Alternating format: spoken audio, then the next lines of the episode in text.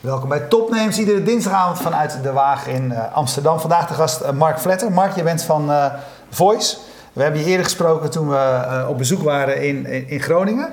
we doen even heel kort wat je bedrijf doet, maar eigenlijk gaat het over hoe je bedrijf werkt en hoe je bedrijf georganiseerd is. Dus eventjes ter introductie, wat doet je bedrijf? Voice zorgt ervoor dat de ondernemingen kunnen bellen en gebeld kunnen worden. Eigenlijk KPN, maar dan leuk. KPN, maar dan leuk? Ja. Uh, als je concurreert met KPN, dat lijkt me nogal wat. Uh, hoe groot ben je? Wat voor, ben je een challenger? Toen we elkaar toen de tijd spraken, hadden we volgens mij iets van 0,6 en een beetje marktaandeel. En inmiddels zal dat iets meer dan verdubbeld zijn. Dus zeg 1,2, 1,3 procent van de, van de Nederlandse markt, zakelijke markt, belt hier ons. Oké, okay, de zakelijke markt. Het gaat over uh, voice-over IP. Ja, alleen uh, dus vaste telefonie. De, de telefooncentrale in de cloud. Ja. Uh, vat ik het goed samen dan? Ja, dat is exact wat we wordt KPN nerveus inmiddels? Um, ze zijn een paar keer bij ons over de vloer geweest om te kijken hoe we het doen. Gewoon om ja. ervan te leren. Dus ik, ik denk niet dat ze nerveus worden. Ik denk wel dat ze wat van ons geleerd hebben. Dus dat is hartstikke leuk. Oké, okay, als nou een van jouw mensen, een van jouw salesmensen bij een, een vrij grote zakelijke klant zit en die moet daar pitchen waarom je met jullie in zee zou moeten gaan en niet met een van de reguliere aanbieders die we allemaal kennen. Wat is dan in essentie het verhaal? Ik denk dat wij ten eerste veel meer geoefend hebben. Dat klinkt heel gek, maar wij waren... Geoefend waarin? In het, in het online bellen, de telefonie in de cloud. Daar zijn wij heel goed in. Daar zijn we tien jaar geleden mee begonnen vanuit TNO. En we waren op dat moment een van de eerste partijen ter wereld die dat deden. Dus we weten heel goed hoe die technologie werkt. Um, daarnaast is het zo dat wij het uh, systeem hebben zelf ontwikkeld. En dat is ontzettend afgestemd op wat de klant werkelijk wil. We hebben hele goede technologie. We hebben daarnaast een hele mooie organisatie die heel goed in staat is om te snappen wat de klant wil en klanten heel gelukkig te maken. En goede technologie plus uh, goede mensen zorgt voor een hele bereikbare en gelukkige klant. Maar ja, Mark, even daarover. Ja, weet je wel, bellen, kom op, weet je wel. Ja. Ik wil het enige wat ik, als ik hem bel, wil ik dat ik hem hoor. Je belt en voor nooit. de rest, uh, oh nee, ik bel nooit. Maar goed, stel dat ik zou bellen. Weet je, wat is, ik zou zeggen, ik wil, je wil dat het werkt. Eh, interessanter dan dat is het niet, toch? Nee. Uh, dus, dus hoe kan je jouw klant gelukkig maken door te zorgen dat hij de andere hoort? En als dat lukt, ben je klaar. En voeg dat dan wat toe bij KPN, want ik kan ook gewoon bellen met, ik hoor ook gewoon de ander. Dit, dit gaat goed op het moment dat het bij KPN werkt. Op het moment dat het is opgeleverd, dan kun je bellen. Totdat jij gaat bellen van ik wil iets anders. En dan gaat het fout. Dan duurt het lang, dan kost het extra geld, dan uh, zit je gelijk vast aan jaarcontracten. Bij ons kun je op dit moment bellen of op dit moment online gewoon in de webomgeving zeggen: Ik wil nu openingstijden erbij. En op dat moment kun je openingstijden erbij krijgen. Ik wil morgen dat er een extra toestel op mijn bureau staat. Als je dat nu bestelt, staat het over twee dagen op je bureau. Ja, dat kan KPN simpelweg niet. En daarbij zijn al onze contracten per dag opzegbaar. Dus ik neem nu een dienst af. Die ga ik morgen gebruiken. Ik zet hem overmorgen op. Dan betaal je voor die ene dag dat je hem gebruikt hebt. Dus je schaalt net zo makkelijk op als af. Wat ja. eigenlijk volgens mij heel erg past bij de ondernemer en de onderneming anno 2016. Ja. Alleen wat door de reguliere marktpartij op dit moment helemaal niet gefaciliteerd wordt. Hey, we zien in alle sectoren van de economie dat uh, de gevestigde partijen, waar nou, telecom is zo'n markt waar je ja. denkt, ja, wat heb ik daar nou in godsnaam te zoeken? Maar we zien overal dat uh, die gevestigde partijen gechallenged worden door nieuwkomers. Ja. Uh, zie jij jezelf ook zo in, in zo'n soort markt? Ik, wij zijn een challenger, dat uh, zonder enige twijfel. Um, ja, we hebben het inmiddels wel tien jaar geoefend. En dat merk je ook. Als je, ook als je kijkt naar ons klantprofiel, daar zitten hele grote partijen bij die weten dat wij dit heel goed kunnen. Dus in die optiek maar, ben je ook maar, weer een beetje een oude, oude, oude goed, aan het worden. Je zegt wij heel goed kunnen. Je, uh, toen Erwin je dat net vroeg, zeg je ja, uh, dagelijks opzegbaar, weet je, een paar van die randvoorwaarden. Denk ik, nou dat zal allemaal ja. wel. Wat doen jullie nou echt beter? Uh, wij, dan de, de gevestigde partij. Wat wij heel goed doen, is snappen wat de klant wil. Onze technologie is echt ontwikkeld rond die klant. Um, en dat, dat is ook de reden dat die contracten per dag opzegbaar zijn. We zijn ooit in die markt begonnen en op dat moment was het een hele statische markt. En we zeiden, als je die telecommarkt nou een beetje wil veranderen, een beetje wil flexibiliseren, hoe zou je dat dan willen doen?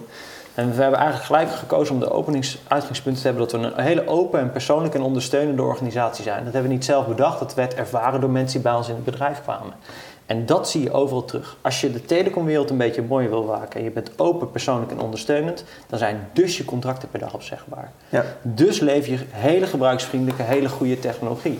Dus als je belt naar de organisatie, krijg je altijd iemand aan de lijn met verstand van zaken die je gelijk kan helpen. Geen keuze nu, geen wachtrij, geen secretaresse. Iemand die jou gaat helpen. En dus Mark, heeft eh, iedereen een eigen accountmanager. Er zitten allemaal Ja. automatische randvoorwaarden aan de manier waarop de organisatie is ingericht. Hey, ik geloof je daar 100% in. En tegelijkertijd heb ik als ik jou volg stiekem het idee dat jij eigenlijk... eh, het andere stukje waar, waar we je met je over willen hebben... van hoe organiseer je anders een bedrijf? Hoe werk je samen? Dat je dat misschien stiekemweg nog wel Interessanter interessanter vindt. vindt. Ja, ik vind, wat ik vooral heel erg leuk vind, is waar hele grote maatschappelijke trends, mensen en technologie bij elkaar komen. Als dat met elkaar versmelt, dan vind ik het cool worden. En hoe je dat dan slimmer kunt doen, anders kunt doen, of met technologie of met anders denken. Dat vind ik gewoon, dat, dat, daar zit mijn drive, zeg maar. Dat Ja, vind ik cool. En als we daar Ja, even dan moet je nog, nog beginnen. een laatste vraag over dat bedrijf, want dan kunnen we het even in de kader plaatsen. Je zei 1,2% marktaandeel. Wat zet je dan op per jaar?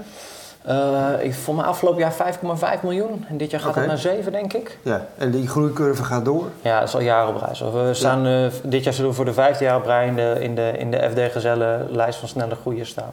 We waren met, er zit nog een ander bedrijf naast, daar waren we afgelopen jaar de snelst groeiende telecom operator in heel Europa mee. Dus ja, ja we groeien heel erg hard. Ja. Ja. Oké.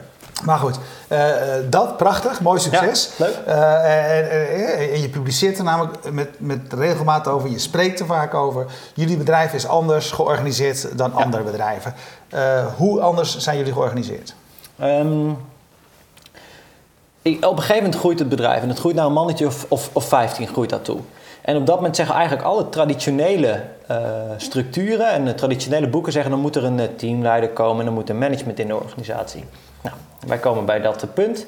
Dus ik ga naar vrienden van mij toe, goh, ik zoek een manager, ken een goede manager? En van de 10 mensen die ik het vraag, zeggen de 9, mijn manager is een eikel of ik kan helemaal niks met dat mens. En eentje zegt, ik heb een goede manager. Dus ik vraag, wat maakt die manager nou zo goed? Nou, ik spreek hem eigenlijk niet zo vaak. Hij is eigenlijk heel erg op afstand en laat me heel erg mijn eigen ding doen. En toen ging, ons ontzettend, ging ik me ontzettend afvragen of dat dan überhaupt... Waarom is management dan ooit ontstaan? En dan ga je een beetje uitzoeken en dan ga je boekjes lezen. En dan kom je bij ehm eh, Eckhart Winsum, die heeft geschreven over het cellenmodel. Je komt op een gegeven moment, iemand mij het eh, handboek van Valve, de Game Studio uit Amerika, door. En je leest die boeken en je ziet gewoon daarin dat het anders kan. En wat, tech- wat internet eigenlijk heeft gedaan, het heeft twee dingen platgeslagen. Het heeft communicatie platgeslagen. Volgens mij was het laatste onderzoek, vroeger was je via zes links met elkaar verbonden. Tegenwoordig is dat met drie, drieënhalf, meen ik. Dus communicatie is veel directer geworden. Je kunt de minister-president kun je een Twitterberichtje sturen, krijg je van zijn perschef een berichtje terug, zeg maar. En eh, informatie is platgeslagen. Iedereen heeft toegang tot alle informatie. Terwijl vroeger die management en kennis, die managementstructuren, die waren bedoeld om informatie door te geven of om communicatie door te geven. En toen zijn we eigenlijk gaan onderzoeken van hoe kunnen we nou de taken die traditioneel gezien een manager heeft, terugleggen aan een team. Want er wordt ook best wel veel verwacht van een manager tegenwoordig. Leiding geven, controleren, structureren, resources bepalen, controleren. Ja, dat, dat vind je niet in één persoon, maar dat vind je wel in een team. Dus daar hebben we heel erg naar gezocht. Maar goed, dan, dan kom je erg op het thema van de zelfsturende Ja. eh, teams en dat soort dingen. Ehm, best hele ingewikkelde materie. Wat, wat, op welk moment dacht jij, toen jij je, je telecombedrijf eh, aan het opzetten was, Ja. van nou, ik heb gewoon helemaal geen zin om eh middenkader te gaan eh, aannemen. Of ik heb helemaal Nou, geen zin om een onderdirecteur voor dit of voor Ik dat. ben zelf denk ik een hele slechte manager. Ik denk dat dat heel erg scheelt. Ehm, en ehm, als je dan eens hoort hoeveel dat last... kan dus een voordeel zijn. Ja, ja, ja. mooi. Er liggen kansen, steken. Er liggen kansen. Nee, ga verder. Ga verder. Ja. Ehm, ja, ik, ik zal er zelf niet. Ik denk niet dat ik er zelf heel goed in zou zijn. En daar komt bij dat je dus merkt dat iedereen daar eigenlijk over het algemeen heel veel last van heeft. Dus je gaat kijken hoe kan ik dat systeem anders maken? Hoe kan ik dat hacken? Nou, in eerste instantie zeg je dan we gaan het teruggeven aan het team. Dat ging heel lang heel goed. Ik denk dat het goed ging tot we met een mannetje of 40, 45 waren. En toen begonnen we te merken dat het systeem gewoon nog niet af was. Want bij heel veel vrijheid komt heel veel verantwoordelijkheid. Maar er kwam ook bij dat we niet precies wisten wie nou wat deed binnen het bedrijf en wie waar verantwoordelijk voor was. Dus ont- je mist een beetje eh, eh, clarity, eh, Overzicht. overzicht. Ja. Wie doet nou eigenlijk wat? En hoe groter het wordt, hoe moeilijker dat wordt. En toen zijn we heel erg op zoek gegaan naar van wat is nou wel schaalbaar? Wat is nou een schaalbaar organisatiemodel? En wat lost dat, dat helderheidsvraagstuk en dat schaalbaarheidsvraagstuk eigenlijk beter, eh, beter op? kwam ik uit een onderzoek wat we toen de tijd deden naar hoe gelukkig de mensen bij ons waren. Ja, maar- en, en wat was toen Eh, eh, op welk moment dacht je toen van, hé, hey, dit is het model waar ik mee verder wil? Toen we, we hadden het uitgeschreven wat we wilden doen. We hadden het gepresenteerd aan de collega's. Die hadden gezegd, ja, dit gaan we doen. En toen hadden we de eerste ronde beoordelingsgesprekken. Toen wist ik, shit, we zitten goed. Dat hadden we anders ingestoken. Iedereen beoordeelde zichzelf. En er zaten twee mensen bij die hielpen bij een stukje eigen waarheidsbevinding. En toen merkte ik van, hé, hey, dit, dit is echt gaaf. Dit gaat werken. Toen zijn we er ook heel veel over gaan schrijven. Want we dachten, dit, dit is cool. Dit, dit moet de hele wereld weten. Nou, daar luisterde op dat moment helemaal, eh, helemaal niemand naar. Ehm, uh, maar we merkten wel dat, dat, dat, dat het iets was wat heel erg leefde en wat meer, bij meerdere mensen speelde. En we waren er zelf gewoon heel erg enthousiast over. En wat we voor ons ook zagen, is dat andere mensen zeiden: hey, dit heeft Sandler ooit ook gedaan. En heb je Delivering Happiness alles gelezen. En je kreeg alleen maar meer boeken van gasten die het anders hebben ja. geprobeerd. En toen, dan begin je te merken, hey, we zitten op het goede pad. We dit hebben andere mensen ook een keer eerder bedacht, maar we zijn een stap verder gegaan omdat we leven in het internettijdperk en we daar maximaal gebruik van zijn gaan maken. Ja, en- nou en- denk ik dat het niet geschikt is voor eh, iedereen. Ik denk niet dat elke werknemer dit wil, aan kan, leuk vindt, eh, Nee. noem maar op. Nee, Eh, wat zijn een- betekent dit voor jou, wie je wel of niet aanneemt? in je bedrijf? Eh, wij kijken altijd eigenlijk naar twee dingen als we aannemen. Ehm, A, eh, deel je dezelfde merkwaarde? Dat open, persoonlijke en ondersteunende, dat moet ergens een beetje in je DNA terugkomen. Anders ga je gewoon überhaupt niet snappen wat we aan het doen zijn. En daarnaast heb je de wil om te werken. Dat zijn onze, onze twee toetsen. Ehm, maar je vraagt een onwijze bak zelfredzaamheid ook van mensen. Je bent ondernemend in je eigen rollen die je hebt. En je mag het daarin helemaal zelf beslissen. Als jij 50.000 euro wil uitgeven om nieuwe service te bestellen en nieuwe hardware nodig hebt... en jij denkt dat het noodzakelijk is voor het platform... dan mag jij dat gewoon doen. Dus dat, en niet iedereen vindt dat ook fijn, niet iedereen past daarbij. En laten we heel eerlijk zijn, ons onderwijssysteem is heel erg opge... Dat is, dat is, dat is zeggen, fabrieksonderwijs. En dat levert ook fabrieksmensen op. En iedereen is jaren gewend geweest dat een manager een stuk van de verantwoordelijkheid weghaalde. En daarmee ook een stuk van de beslissingsbevoegdheid weghalen. Dus het is best wel even wennen om in zo'n nieuw systeem te passen. En je ziet ook dat mensen die direct van school komen daar over het algemeen makkelijker mee overweg kunnen.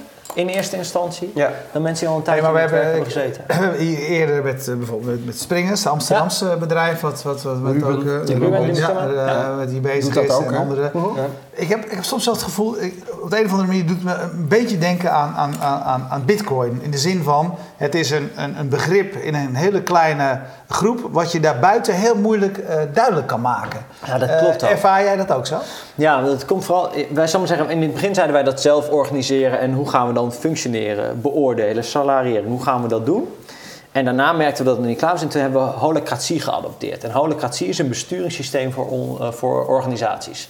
Eigenlijk wat je doet met Lean, ik bouw iets, ik meet hoe het werkt en ik leer daarvan en ik structureer weer bij, ik pas weer aan. Dat alleen dan voor je hele organisatie. Nou, dus ag- agile voor, Agile, ja, voor, voor, het hele bedrijf. Ja. Ehm, wat daarbij automatisch komt is een heel woordenboek.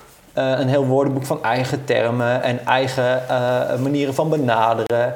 Eh, een spanning, eh, wat een veel gebruikt woord is, een tension, krijgt een heel ander begrip. Een werkoverleg, wat in één keer een tactical gaat heten, krijgt een ander begrip en een andere invulling. Dus je, je, je verzandt al vrij snel in termen die alleen maar mensen die ook zo werken gaan kennen. En er staan online filmpjes over hoe het Ja, werkt dus en die het wordt snap wel je. een- het wordt wel een subcultuurtje. Ja, Dus, en dat, het, het is ergens heel erg jammer. Ja. Want het is onwijs toepasbaar, denk ik, op heel veel soorten bedrijven. Ik zag net Ja. overigens iemand vertellen, die, die, die, die zei op Twitter dat hij het op school eh, succesvol eh Ik, inzet. wij zijn op, er zijn onder andere overheidsinstellingen op dit moment ook mee bezig om te kijken wat gebeurt er als ik team A op deze manier organiseer en team B op een andere manier organiseer. Ja. En inderdaad, Hey. bij scholen zien we het ook en dat is hartstikke cool. Ja, ik ga wel even terug naar die- neem ik ja, even nee, bij. Ik- ja, ik- even, even naar de credits. Het is altijd leuk dat, dat Jacob Oh, Jan Voerman, die kan je nou ook even terugvinden. Dat, hij zegt op onze school werkt het fantastisch. superleuk. Pak even Ja. die link. eh, erbij. ja, vet. Ga even terug Cool. naar net naar jij, jij beweert met een zekere stelligheid dat ze een van jouw medewerkers denkt dat ze 50.000 euro moeten uitgeven aan een systeem wat niet helemaal goed is dat dat kan. Ja. Eh, en ik denk van nou, eh, weet je, eh, leuk als al jouw werknemers dat op dezelfde dag beslissen, dan heb jij misschien een cashflow probleem. Eh, ja, maar- dat zou ik zeker hebben. Eh, en eh, weet je wel, dus het verhaal dat is, gaat maar zeer ten dele op wat je vertelt. Nee, en en hier ga je de Eh, maar dan wil ik eventjes bij eh, een vraag van Twitter pakken die daarbij aanslu- aansluit van Marco Dirksen. Die zegt, eh, wat wel, die was vanmiddag bij jou, Ja, die was klopt, onder die de indruk, dat zegt hij ook, onder de indruk van de implementatie. Maar wat wel is blijven hangen bij hem, is werkt holocratie ook als een bedrijf niet groeit, maar krimpt? Ehm, dat weet ik niet, want we hebben het nog nooit meegemaakt. Dat is het eerlijke antwoord. Ehm, En dan bedoel ik, weet je, die, zolang ja, ongebreidelde groei. Ja, geld zat. het heel makkelijk. Ja, bestel lekker joh, 50.000 euro, hier, 50.000 euro. Maar in een normaal bedrijf werkt het natuurlijk niet zo. nee, maar ja, in een normaal bedrijf. Ik, ik- stel je voor, ik ben. eh, ben eh, ehm, wat wij heel erg zien, dan ga ik even terug naar je eerste opmerking. Die 5000 euro, dat, dat, dat, dat, dat, eh, dat, dat doet iedereen zo, maar dan gaat het fout. Als jij mensen vertelt dat ze een bewuste keuze moeten maken en dat ze moeten nadenken en dat ze moeten doen alsof het hun eigen geld is, geven ze in de praktijk aanzienlijk minder geld uit. Als dat ze gaan lopen doen alsof het bedrijfsgeld uit, is. Dus die awareness van waar doe ik het voor is echt ontzettend belangrijk. Waar draag ik aan bij en hoe werkt dit voor ons? En ik denk dat als je een organisatie hebt die krimpt, dat je wel eens hetzelfde zou kunnen ervaren. Dat mensen beseffen van hé, hey, wat is mijn rol nog in dit geheel en hoe kan ik hieraan bijdragen? Maar ik weet het niet. Ik weet simpelweg niet. Ik heb het nog niet meegemaakt dat een organisatie eh holocratie heeft geïmplementeerd en krimpt. Je ziet bij ehm, het Tony Heers van eh, Zappos, een, eh, een grote online schoenenretailer die gekocht is door Amazon. Die hebben dit groots geïmplementeerd. Die hebben heel veel uitstroom gehad. In Amerika kun je natuurlijk veel makkelijker ontslagen worden. En die hebben gezegd van joh, als jij dit niet ziet zitten, krijg je onze ontslagpremie mee. Dat kennen ze in Amerika normaliter niet. Van, zeg even voor het gemak 5000 euro of eh, dollar. En dan mag je gaan. En daar hebben veel mensen gebruik van gemaakt. Omdat het model ze niet past. Ehm, eh, ik denk dat je zo'nzelfde iets zou moeten doen in, eh, in een krimpende organisatie. En het blijft natuurlijk feit dat er mensen zijn binnen de organisatie die een rol hebben om zo'n proces te begeleiden. Op het moment dat je Maar krimpt, dat, dat, dat, dat is dan niet top-down, maar dat is, dat is bottom-up. level, Ja, level playing field. level Ja. playing field, informatievoorziening. Is bij jullie ook, want dat lijkt mij een noodzakelijke voorwaarde, Alles, is transparant. Ja. Net zoals dat je zei, Per dag de omzetcijfers, Ja, alles. eh, iedereen Hoeveel weet nieuwe klanten hebben we aangesloten? Ja. Hoeveel hebben we er afscheid van Ja. genomen? Waarom, hoe en wat. Ja, eh, alles. Alle strategiedocumenten zijn openbaar. Alle financiële cijfers zijn openbaar. De dag dat je bij ons binnenkomt, krijg je een sleutel van kantoor en toegang tot alles wat we hebben. Ja. mhm. En dat is voor iedereen zo. Ehm, en dat moet ook, want zoals we al zeiden, internet heeft communicatie en informatie platgeslagen.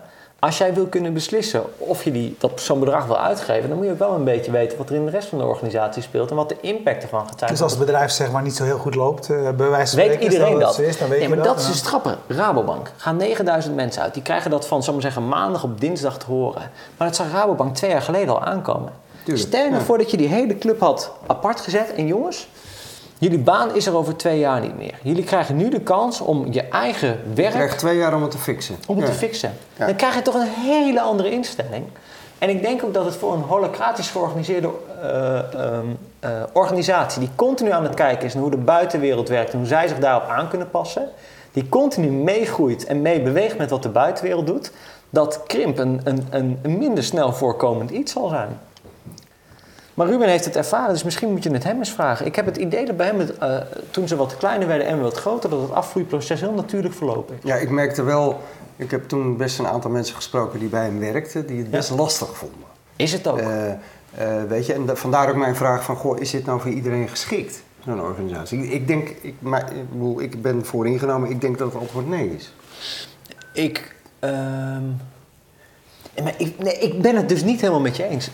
Even heel simpel. Ehm, ik heb eh, mijn baan en daar doe ik mijn dingen in. En daarnaast heb ik mijn privéleven. Eh, ik heb een huis, ik heb een hypotheek, ik heb een auto, ik voed mijn kinderen zelf op, ik ga zelf op vakantie. Re- Ik regel alles in mijn leven zelf. Maar voor dat, en daar kan ik helemaal autonoom zelf over beslissen. Maar voor dat ene ding waar ik echt voor gestudeerd heb, waar ik jarenlang ervaring in heb, zou ik dat in één keer niet meer kunnen? Dat is natuurlijk absurd. Ja. Dat we het niet geleerd hebben, is wat anders dan dat we het niet zouden kunnen.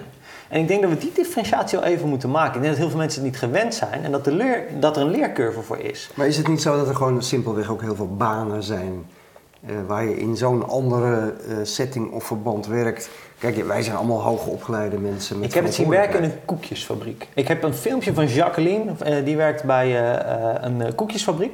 Die is daar koekjespakker. Die vertelt vol trots over haar werk en hoe ze daar iedere keer een kaart bij indoet, waarop de klant kan aangeven wat ze ervan vonden.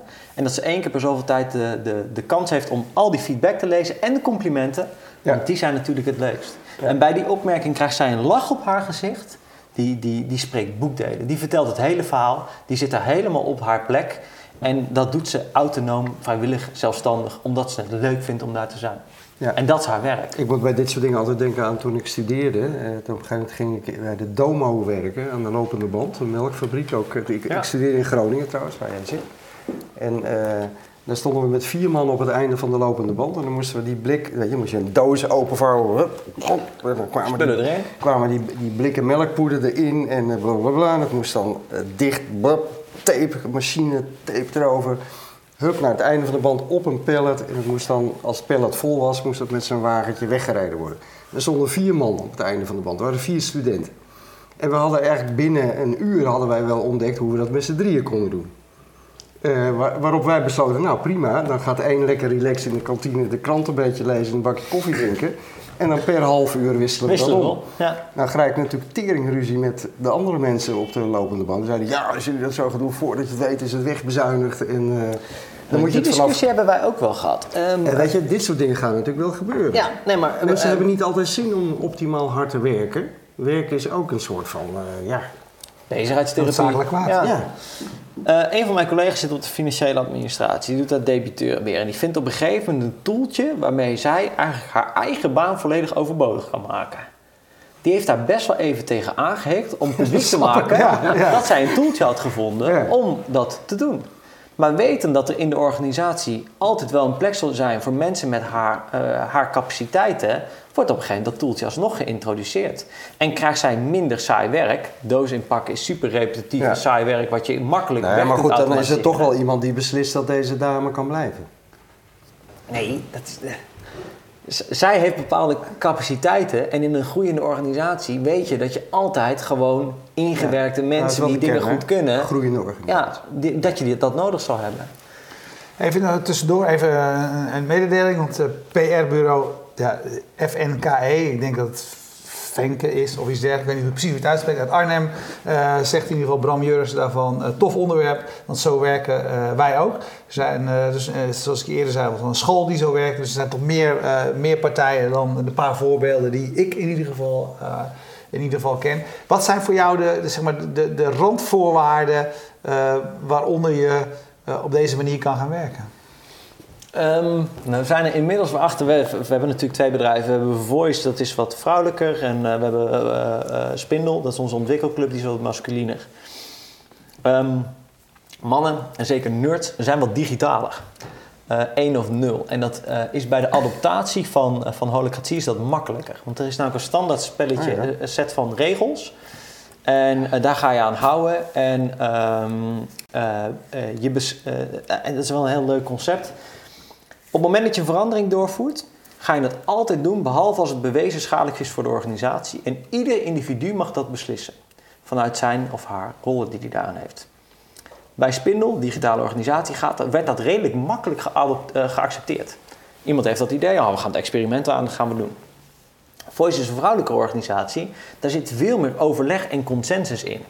En wat, even, wat bedoel je met vrouwelijke organisatie? Eh, er zitten simpelweg meer vrouwen in, maar ook er wordt veel meer overlegd. Het, zit eigenlijk, het is niet zo digitaal, het is niet één of nul, het is grijs. Er zit heel veel grijs in.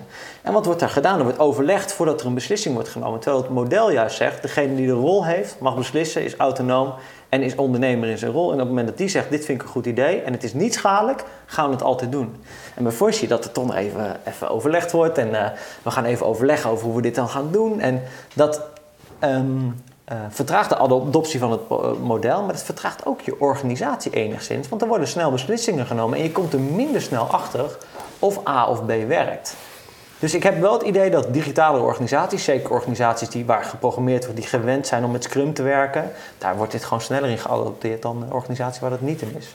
Dus Ja. dat is wel iets waar ik, eh, waar ik achteraf gezien van dacht, hé, er, zit wel, er zit een groot verschil in die adaptatie. Nou, zie je ook echt een generatiekloof ontstaan hierbij? Dat oudere mensen het lastiger vinden om... eh, Nee, wat ik wel zag is dat hoe eh, langer iemand in een andere soortige organisatie heeft gezeten, een traditionele organisatie, hoe, eh, hoe langer de adoptie duurt. Dat Ja. is gewoon zo. Ja. Het is meer wennen aan het nieuwe systeem. Hoe kijk jij dan aan tegen die enorme hoeveelheid mensen in Nederland die eh, zichzelf manager noemt, leidinggevende, daar duizend en één opleidingen en cursussen in hebben gedaan Ja. en daarin gespecialiseerd zijn? Overbodig? Dan, mm, ja, wel, zeker het middenkader wordt overbodig. En Het mooiste voorbeeld, ja, ik vind Uber een heel vervelend voor- eh, voorbeeld, omdat het zo'n veel gebruikt is. Maar je hebt in Uber heb je topmanagement wat een beetje bedenkt hoe en, eh, en de mensen die Ja, de applicatie Vooral ook omdat het zo'n onsympathiek bedrijf is. Op Dat wel helemaal. Dus, maar, Ja. maar goed, we pakken Lyft, dat is makkelijker. Ja. Lyft is leuk. Ja. Ehm, eh, Lyft, daar, worden, daar bedenken ze in, eh, in, in, in de top van het bedrijf en met de programmeurs bedenken ze, hey, zo moet onze applicatie werken. En daarna communiceren ze eigenlijk direct met de vervoerders, met de taxihouders. Daar zit geen middelmanagement meer tussen Mhm. eh, eh, die dat organiseert. En eigenlijk zie je een beetje, API's are eating middle management is dan de term erbij. Oftewel, software eet die middenlaag op, want die lost de problemen. Of eigenlijk het controleren, doorvoeren, automatiseren we daar weg. Dat, dat zie je steeds meer. En ik denk ook dat die, die, die rol en die taken steeds meer gaan verdwijnen. En dat bottom-up daarin steeds belangrijker wordt. Of eigenlijk level playing field steeds Hey, belangrijker als je het hebt over, eh, het, concept van jullie is zeg maar ook eh, ge- geen management, zelf organiseren, et cetera. En ik zit met jou te praten en ik zit eigenlijk al een paar uur met jou te praten. En je maakt mij niet wijs dat als jij je mond open doet in jouw organisatie, dat het een grotere rol speelt Nee. eh, dan als iemand anders eh, die misschien of niet zijn mond eh, open doet. Jij bent belangrijker dan anderen in je bedrijf. Ja. Ook, al noem ook al plak je er geen stempel op, ook al heb je geen kaartje waarop staat manager. Dat klopt. Dus het is, de, de, de, de- dus hetgene wat, het is ontzettend makkelijk, want je kunt het namelijk inzetten. En het is hetgene waar ik zelf het meeste last van heb. Is dat mijn stem, hoe ik hem ook zal laten horen als founder van het bedrijf, altijd zwaarder klinkt als dat hij dat van een collega dat doet. En dat daarmee eh, de hoeveelheid weerstand die je ook vindt als je een kut idee hebt, lager is dan dat van een andere collega zal zijn. En daarmee sta je eigenlijk altijd, eh, wat dat betreft, zowel 1-0 voor als 1-0 achter. En daar, ik ben dan ook nog eens iemand die zich daar niet altijd even bewust in is, omdat ik nogal snel Ja. mijn mening ventileer. En dat, ehm, dat is voor mezelf lastig, is voor de organisatie ook nog steeds lastig. Het is trouwens ook de reden dat ik, zal maar zeggen, er is altijd één rol in het bedrijf die gaat over de strategie en de roltoewijzing van de, van de, van de hoofdcirkel, dus eigenlijk van de totale organisatie. Ook gaat over de resourceverdeling, dat is de lead link. Dat is ook de reden dat ik die rol bij Spindle heb afgelegd. En dat doet niet iemand anders. Dus ik krijg nu mijn rollen ook toebedeeld door eh, onder andere die persoon. Ja. Om eigenlijk die impact van, van mij als persoon eigenlijk te, wat te, te marginaliseren. Maar is het erg eigenlijk? Dat- Ja, ik vind dat erg. Ja, waarom? Omdat ik vind dat, eh, dat eh, ook... eh, ehm, omdat ik denk dat het persoonlijk leiderschap en persoonlijke beslissingen in de weg staat. En ehm, Leg die eens uit. stel je voor, ik heb zo'n vraagstuk met die 50.000 euro. En, ik- Ja? eh, en ehm, Jij vindt het een kut idee. Mooi verhaal. Nee, Ja. eh, eh, we bestaan tien jaar dit jaar. Daar zijn we hard, dat vind ik hartstikke gaaf. We hebben een hele mooie weg bewandeld. Daar zijn superveel mensen om ons heen zijn er heel belangrijk in geweest. Zowel onze klanten als, als, als mensen die ons gewoon hebben geholpen op die weg die we hebben be- bewandeld. Dus we organiseren een heel leuk feest. We zetten de mediacentrale helemaal op zijn kop. Er komen zo'n eh, nou, tussen de 750 en de 1000 mensen. Eh, we beginnen met de aanmelding dat loopt in het begin geen storm. En nadien vraagt mij, Mark, ik moet nu 50.000 euro gaan uitgeven, want eh, audio en licht, dat wordt niet goedkoper als er meer mensen zijn, et cetera. Wat vind jij ervan? En op dat moment zit ik van, als ik daar nu antwoord op geef, dan doe ik dat niet vanuit een rol die ik daarvoor heb. Ehm, dat doe ik omdat ik de eigenaar ben van het bedrijf. En daarom vraagt ze het mij ook. Dus op dat moment zeg ik ook in alle eerlijkheid, ik heb daar geen rol voor. Dat vindt zij op dat moment een klootopmerking. Want ze wil ook gewoon met mij sparren als collega. Ja. Maar ik vind op dat moment dat ik daar... En gesteund, en, en natuurlijk een beslissing die gesteund is. Een, een, Ja. een gedragen beslissing Ja. wil zij. Maar heb je dan nooit, ik zou denken, als jij toch founder bent, hoe trots je bent op wat je eh, eh, voor elkaar hebt gekregen, dat na tien jaar dat jij zegt, joh, bestellen die handel. Ja, nee, maar, maar, ik, de- maar ik wil dat zij dat beslist.